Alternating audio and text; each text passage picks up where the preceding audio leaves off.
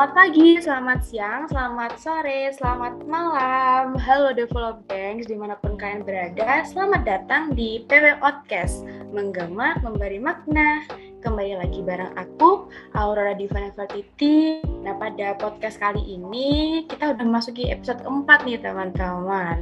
Aku sebagai host, dan tentunya kita bakalan ngobrol-ngobrol cakep yang topiknya bakalan berkisaran tentang strategi marketing melalui optimalisasi sosial media sebagai sarana pemasaran produk. Tentunya di dalam pembicaraan kali ini kita akan mengupas tuntas fungsi dari sosial media sebagai alat branding dan marketing. Oke, develop gigs, ini pastinya udah mulai muncul nih keraguan-keraguan atau pertanyaan-pertanyaan dalam hati. Apalagi kalau misalnya develop gigs ini mau memulai suatu bisnis.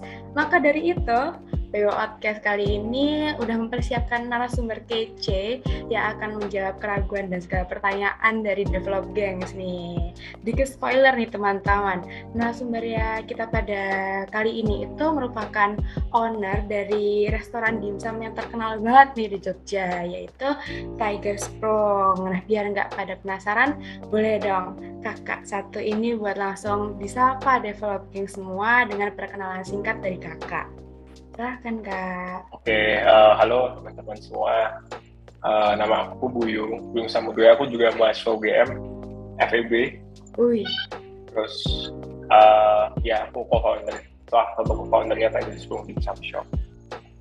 Oke, menarik banget masih mahasiswa tapi sudah menjadi owner bisnis keren nih. Oke, salam kenal Mas Buyung. Oke nih, kita langsung nggak main-main, langsung hadirkan dari Tiger Sprung nih, ownernya langsung. Langsung aja nih Mas Buyung, kita yang pertama nih untuk mengatasi keraguan developing berkaitan dengan uh, pengalaman dari Mas Buyung sendiri nih.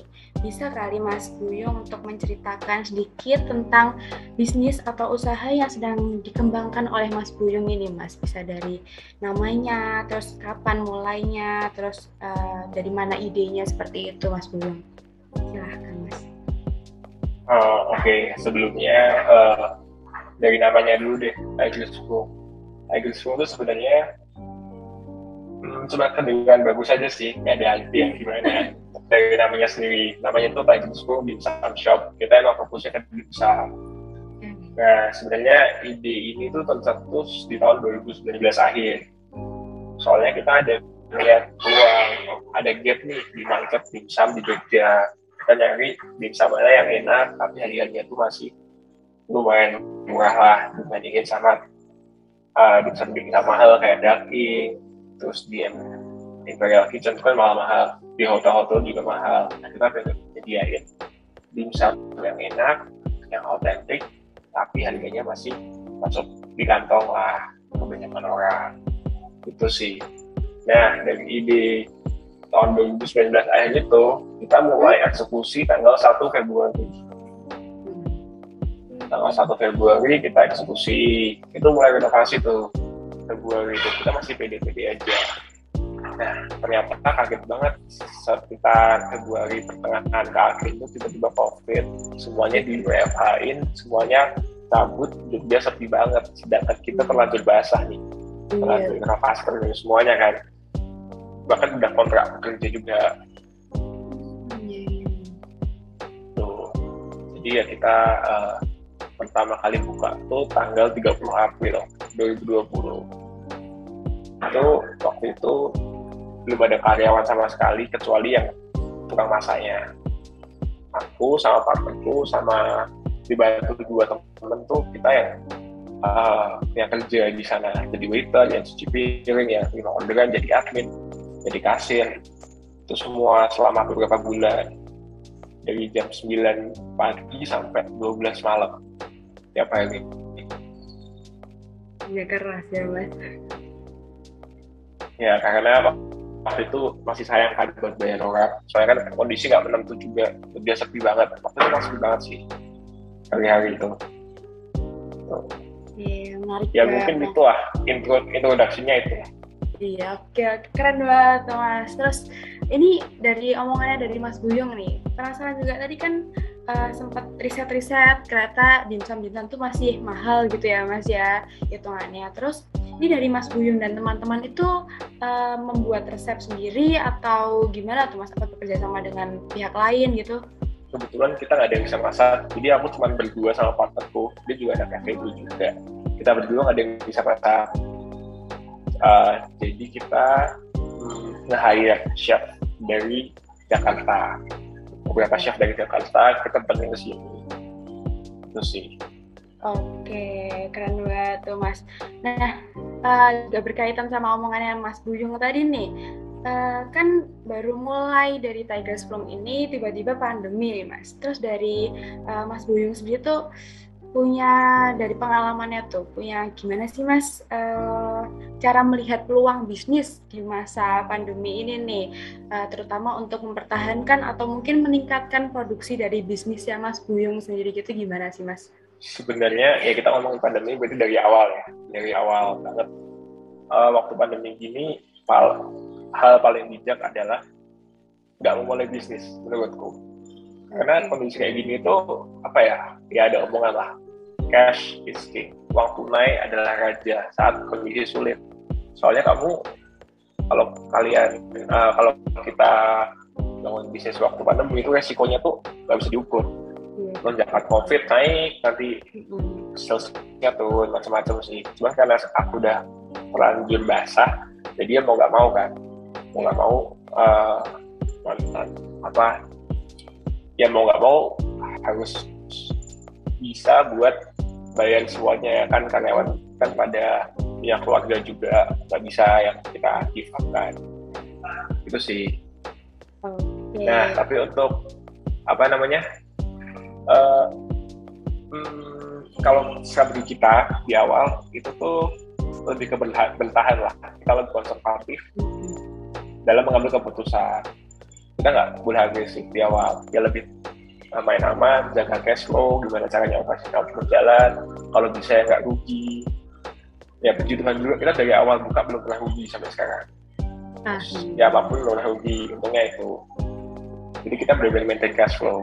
Cuman karena kondisi udah membaikan sekarang sekarang ini, sekarang ini udah membaik, jadi kita lebih jadi kita uh, lebih agresif lah dalam pengambilan keputusan, ambil resiko itu lebih berani. Sih, yang penting tahu timing aja, kapan harus konservatif, kapan harus agresif. Kalau di masa pandemi ini kemungkinan untuk rugi itu sangat besar ya mas ya karena kadang-kadang kebijakannya harus ppkm nggak boleh makan di tempat terus 50% kayak gitu emang yang nggak bisa diperkirakan kok dalam bisnis makanan terutama ya mas ya oke Betul. terus iya berkaitan dengan itu nih mas uh, gimana sih mas caranya biar usaha kita tuh tetap sustain gitu apalagi tengah pandemi kayak gini terus gimana ya kayak agak bahaya kan mas kalau misalnya tiba-tiba kebijakannya berubah-ubah gitu. Gimana caranya biar nih uh, usahanya itu bisa tetap berjalan dengan lancar terutama uh, dalam pemilihan kebijakannya tadi itu. Dari Mas Buyung sendiri kan ada harus agresif dan harus satu yang lagi itu Mas. Juga kita tuh bukan buka bisnis yang musiman es kepal Milo lah. Pasti kita hmm. semua tahu lah es kepal Milo viral banget kan? Viral banget. Mungkin jangankan bisnis ibu rumah tangga orang-orang di daerah tuh pada buka stall di depan rumahnya. Cuma buat jualan es kepal minum nah yang kayak gitu itu kan jelas uh, musiman banget lah. Setelah hype-nya habis ya udah habis usahanya. Cuman kan uh, kalau dari kalau dari pengalaman pribadi ya sebelum buka bisnis aku tahu dulu apa yang aku jual. Misalnya aku jualan di besar yeah. aku tahu dulu dimsum ini udah dari kapan ternyata udah ratusan tahun dimsum itu ada dan nggak pernah mati. Berarti oke okay, relatif aman. Sama dari segi yang kita jual aja tuh udah lumayan sustain. Terus gimana cara brandnya itu sustain? Ya brand tersebut harus punya value value sendiri. Yang harus komit. Jangan kalau misalnya belum kalau menurutku kalau nggak punya value ya kalau kamu nggak akan bisa sustain jualan apa pun Oke, keren banget. Yang penting kita tuh harus paham sama apa yang kita jual, terus juga harus punya karakteristik gitu ya Mas Boyong ya bahasanya. Betul. Oke deh, terus nih sebelum kita ketemu gini nih mas, saya sempat riset dulu nih ke sosial media dari Tiger Sprung nih. Terus terutama di Instagram, ini konsepnya agak menarik ya mas ya, uh, cukup atraktif dan komunikatif kepada konsumennya. Nah itu tuh uh, gimana sih Mas caranya Mas Buyung dan kawan-kawan Tiga Sprung untuk memanfaatkan kehadiran media sosial nih untuk bisnis, terutama dari bisnisnya Mas Buyung sendiri? Hmm, Oke, okay. jadi kalau kita ngomongin pemasaran produk melalui media media sosial kan, kita punya nah, strategi sendiri lah untuk Instagram kita sendiri itu kita merasa kita harus unik nih harus beda sama yang lain. Kita harus punya karakteristik itu. Jadi jangan loncat-loncat harus gini gini gini gini kan jelas gitu. Jangan. Jangan sampai. Terus komunikatif itu juga penting harus menarik jangan sampai bosenin yang menurutku copywriting itu bukan hal yang gampang susah banget copywriting. Terutama uh, gimana ya? Kalau copywriting cafe itu relatif gampang. Karena cafe itu menurutku ya mayoritas tuh ya asal estetik lah. Asal estetik uh, dari brandnya tuh masih umum. Jadi gampang masih copywritingnya. Nah kalau ini kan agak spesifik. Jadi copywritingnya tuh memang memang benar-benar harus diperhatiin. Terus ya itu kita harus konsisten brand image-nya tuh harus dijaga di uh, di media sosial. Misalnya kalau di Tiger Sprung tuh nama adminnya atau maskotnya lah, namanya Pop Tiger. Tiger itu digambarin itu apa ya? Oh orang orang Cina resek sombong. Ah udahlah, itu doang. Nah itu itu kita pengennya di situ digambarkan seperti itu. Bahkan dari kita balasin DM pun kita juga harus kasih karakteristik itu. Bagus kontennya itu kita juga harus ada budget dong, uang nah, buat promosi. Oh, oh, itu sih harus bijak-bijak untuk budgetnya. Iya, pinter-pinter mengalihkan keuangannya nih mana ya untuk promosi, mana ya emang buat bisnis ya mas ya, buat produk. Oh keren banget dari Mas Bu yang oke nih. Terus uh, berkenaan dengan itu tadi Mas, itu kira-kira ada nggak sih Mas kayak strategi khusus nih selain keunikan dari Tiger Sprung yang punya maskot dan punya ciri khas tertentu untuk menjawab konsumennya itu gimana sih cara uh, khususnya itu untuk memasarkan produknya melalui media sosial dan yang pasti ya untuk mendapatkan hasil yang maksimal banget gitu mas. Hmm, aku gak, gak dapet pertanyaannya. Apa maksudnya? Jadi itu mungkin kayak Mas Buyung apakah juga mengendorse uh, oh iya iya iya. Ya seperti itu Mas Buyung. oke aku jawab ya. Okay. nah alokasi budget ini itu juga bijak. Kita awal-awal mau nggak mau ya R&D lah. Kita benar-benar nggak pernah kulinan sama sekali. Nggak pernah bergerak dalam bidang kulinan sama sekali. Jadi kita R&D mau nggak mau harus buang uang di awal. Tahu mana yang efektif mana yang enggak misalnya kalau di brand kita itu kalau endorse endorse selebgram itu nggak kurang yeah. efektif. Paling efektif itu endorse food, food blogger misalnya. Nah food blogger ini pun tuh ada yang efektif ada yang nggak efektif. Hmm. misalnya si A efektif si B nggak efektif.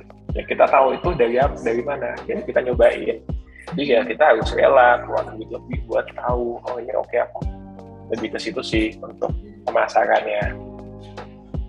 Oh sama satu lagi. Apa tuh IG ads IG ads. Apa tuh mas? Bisa dijelaskan tuh? Uh, Instagram ads. Jadi Instagram ads itu uh, kasarannya gini. Uh, kamu bayar Instagram buat iklanin konten kamu.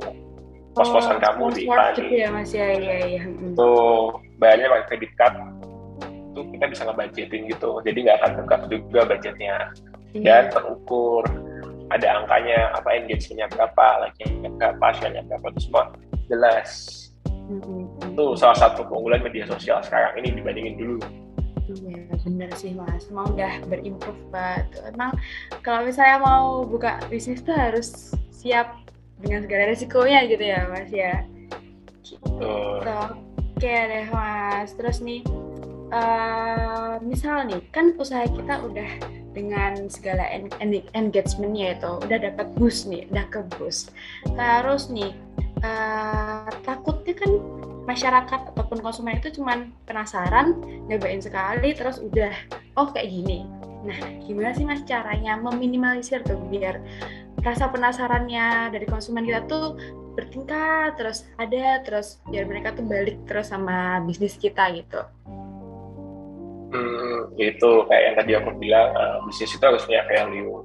Value ini yang bakal datangin customer untuk repeat order misalnya aku jual makanan ya pasti makananku harus enak. Kalau makananku nggak enak ya orang cuma datang udah nggak balik lagi ya kan? Value-nya di mana? Tadi yang ngasih makanan yang enak harganya cukup terjangkau terus weddingnya juga oke okay, misalnya. Itu kenapa orang bisa datang lagi Oke, keren banget itulah Mas. Nah, terus juga karena sudah terbus seperti itu, pastinya akan eh, menimbulkan keramaian nih Mas. Dan keuangannya nih agak agak bingung cara mengelolanya nih, apalagi kalau saya belum punya pengalaman bisnis sama sekali. Nah, kalau dari Mas Buyung Buyung Samudra sendiri nih Mas, uh, caranya mengelola antara uh, dana yang harus untuk sebagai marketing dan dana yang disisihkan untuk uh, keselamatan bisnisnya itu gimana sih Mas cara membagi keuangannya itu Mas? Oke, jadi sebenarnya simpel. Kita pakai cara bodoh, cara bodoh aja lah kayak orang-orang zaman dulu di toko. Uh, cuma boleh ada satu rekening. Jadi uang masuk ya ke sana, uang keluar ya ke sana rekening lain tetap boleh cuman itu sifatnya buat nyimpan uang aja. Nah terus bikin sistem yang efektif sama relatif aman. Dalam arti misalnya restoran kan ada bagian uh, stok ada bagian purchasing. Mereka semua itu nggak boleh ada yang megang duit misalnya. Hmm, okay, okay. jadi misalnya ada head kitchen kan di dapur misalnya oh bawang merah habis bawang putih habis itu ditulis sama dia sama head kitchennya nanti head kitchen ini uh, ngasih listnya ke manajer operasional.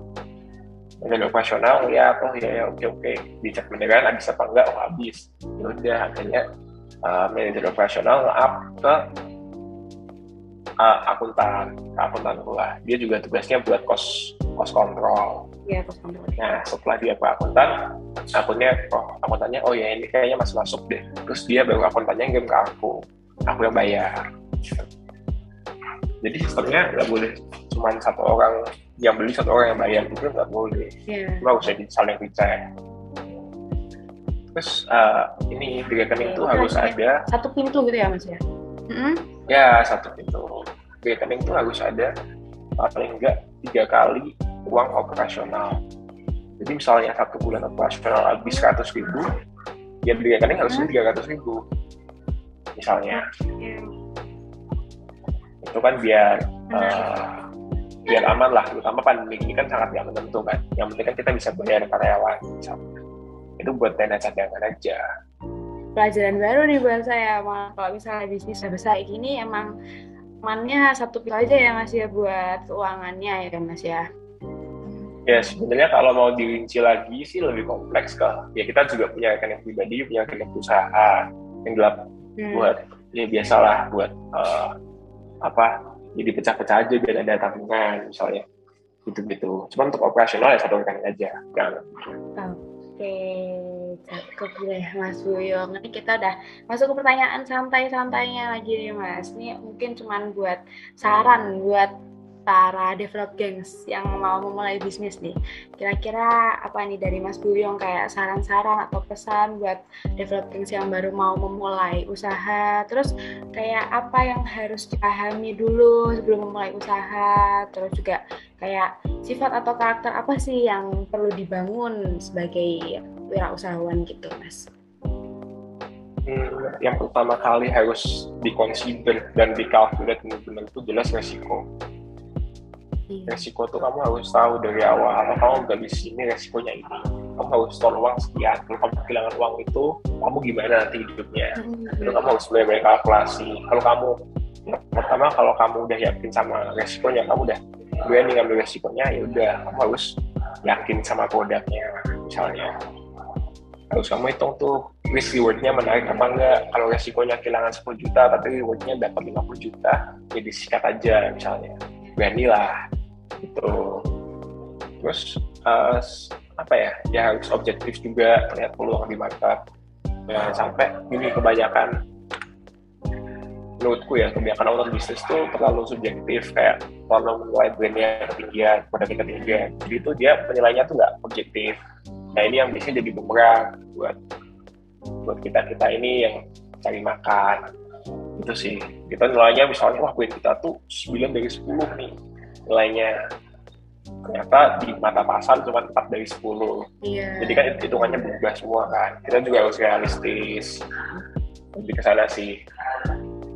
Yang penting tahu resikonya. Kalau cuma hitung cuannya tuh gampang. Semua orang seneng. Cuman kamu kuat nggak sama resikonya. Kalau kamu nggak kuat tuh jangan uh, keren sih mas kayak benar-benar kita harus memperhatikan apa yang mau kita mulai terus juga nanti kemungkinan apa yang bahkan kita hadapin di pertengahan kita menjalankan bisnis itu itu emang benar-benar menjadi concern dari kita sebelum kita memulai bisnis. Oke mas, mungkin ini pertanyaan terakhir cuma buat tambahan doang sih mas. Kalau dari Mas Buyung Samudra sendiri mas, untuk melaksanakan suatu event atau mungkin uh, ada promo bagi konsumen itu tuh kira-kira perhitungannya gimana sih mas? Biar tetap uh, on point dari keuangan dari Tiger Sprong sendiri gitu mas? Oh itu sebenarnya gampang. Kan kamu kan kita kita kan pasti tahu kan HPP-nya harga modalnya kan kita tahu. Yang penting jangan di bawah harga modal aja pertama untuk jualan. Sama kalau Tiger Sprong sendiri tuh sekarang sekarang ini udah nggak pernah promo Soalnya kita jaga jaga brandnya kan. Kita promo yeah. tuh cuma waktu ppkm ketat itu kita promo, terpaksa promo. Soalnya gini, brand-brand lain itu pada promo soalnya. Jadi yeah, kalau kita nggak ikutan promo, kita nggak bisa. Soalnya kita brand besar banget ya, kita mau angkuh, kita mau uh, brand-brand mempertahankan brandnya. Uh, ya udah kita nggak usah ikutan promo nih, biarin aja mereka yang promo kita nggak usah. Itu itu syaratnya satu, cash flow harus kuat, cash flow harus kencang sedangkan kalau UMKM UMKM biasa kan ya mau nggak mau harus ikut arus kan. Kamu belum bisa hmm. jadi kan belum bisa benar-benar idealis belum bisa. Biar bisa bertahan juga di masyarakatnya gitu ya mas ya. Betul betul. Terus, dari event sama promo kayak gitu kira-kira bisa nge-boost dari usahanya Mas Buyung sendiri nggak sih Mas? Secara traffic pasti, cuman promonya harus besar sebenarnya orang-orang yang makan di Sprung itu bukan orang-orang yang butuh promo sebenarnya Oke, pasar kita memang lebih ke menengah ke atas. Oke, okay, oke. Okay. Jadi orang-orang yang ke sana tuh yang mau dikasih promo 20%, 10% itu nggak efek. Mm-hmm. Itu harus lebih dibanting, dibanding sekalian buat fun aja promonya. Buat datangin traffic doang, itu nggak apa-apa. Cuman kalau cuma promo, ya udah diskon 15%, itu percuma. Ini nggak usah diskon sekalian nanggung ya. situ sih. Nanggung betul. betul. Oke deh Mas Buyong ini buat menjawab keraguan ataupun pertanyaan-pertanyaan yang membingungkan bagi developing ini udah selesai nih Mas. Mungkin dari Mas Buyong sebelum kita eh. mengakhiri nih Mas bisa ngasih closing statement nih Mas buat para developing nih. Hmm, gini sih. Uh, kalau dari aku ya uh, kalau mau mulai bisnis ya harus berani harus yakin nggak boleh juga nggak apa-apa. Kan bisnis kan bisnis men itu kan profesi. Sama aja kayak guru sama kayak dosen sama kayak kerja kantoran. Ya nggak semua orang tuh jadi bisnismen jadi ya nggak perlu dipaksain. Itu satu. Tapi misalnya kamu yakin ya udah langsung gasin aja. Kayak kayak apa ya uh, it's a one way ticket gitu loh. Kamu nggak bisa kamu nggak bisa putar balik di tengah jalan. Jelas. Terus yang kedua kan ini kan uh, target audiensnya juga pasti anak-anak muda kan seumuran dari podcast ini. Ya uh, apa ya jangan pernah kayak ngedayin dirimu cuma karena kamu tuh masih muda. Umur lu cuma angka itu aja sih. Jangan pernah kalau kita ah, aku masih masih umur segini nih uh, kayaknya nggak perlu di, di, di banget. Itu jangan. Pokoknya gas saja kalau pengen apa gas saja itu sih terutama di zaman sekarang ya. Ya udah nggak ada udah nggak ada apa ya kayak batasan-batasan sendiri buat cari duit, cari pengalaman tuh udah batasannya tuh udah mulai tipis banget nih. Jadi jangan Oke deh Mas Buyung, menarik banget nih. Oke tuh buat teman-teman semuanya yang penasaran gimana rasanya Tiger Sprung, terus juga uh, gimana nih Mas Buyung dalam menangani bisnisnya secara langsung. Siapa tahu ketemu di Tiger Sprung yang langsung nih. Bisa banget langsung datang ke Tiger Sprung. Alamatnya di mana nih Mas? Di Ruko Plaza Setunga deket Happy Papi. Oke, cakep banget. Langsung gas aja ke sana ya teman-teman. Kalau gitu, uh, kayak udah cukup nih kita ngobrol-ngobrolnya udah banyak banget nih mas. Dan podcast kali ini yang episode keempat ini udah selesai. Uh, aku Aurora Diva Aurora Diversity bakalan pamit undur diri. Makasih buat Mas Buyung Samudra yang sudah menyempatkan waktu ya untuk uh, sharing sama kita kita semuanya. Jangan lupa buat saksikan episode-episode dari PW Outcast selanjutnya ya teman-teman. Dan juga Mas Buyung Samudra jangan lupa untuk mampir ke PW Outcast ya kita. Terima kasih. Wassalamualaikum warahmatullahi wabarakatuh. Bye bye. Thank you, thank you, sukses.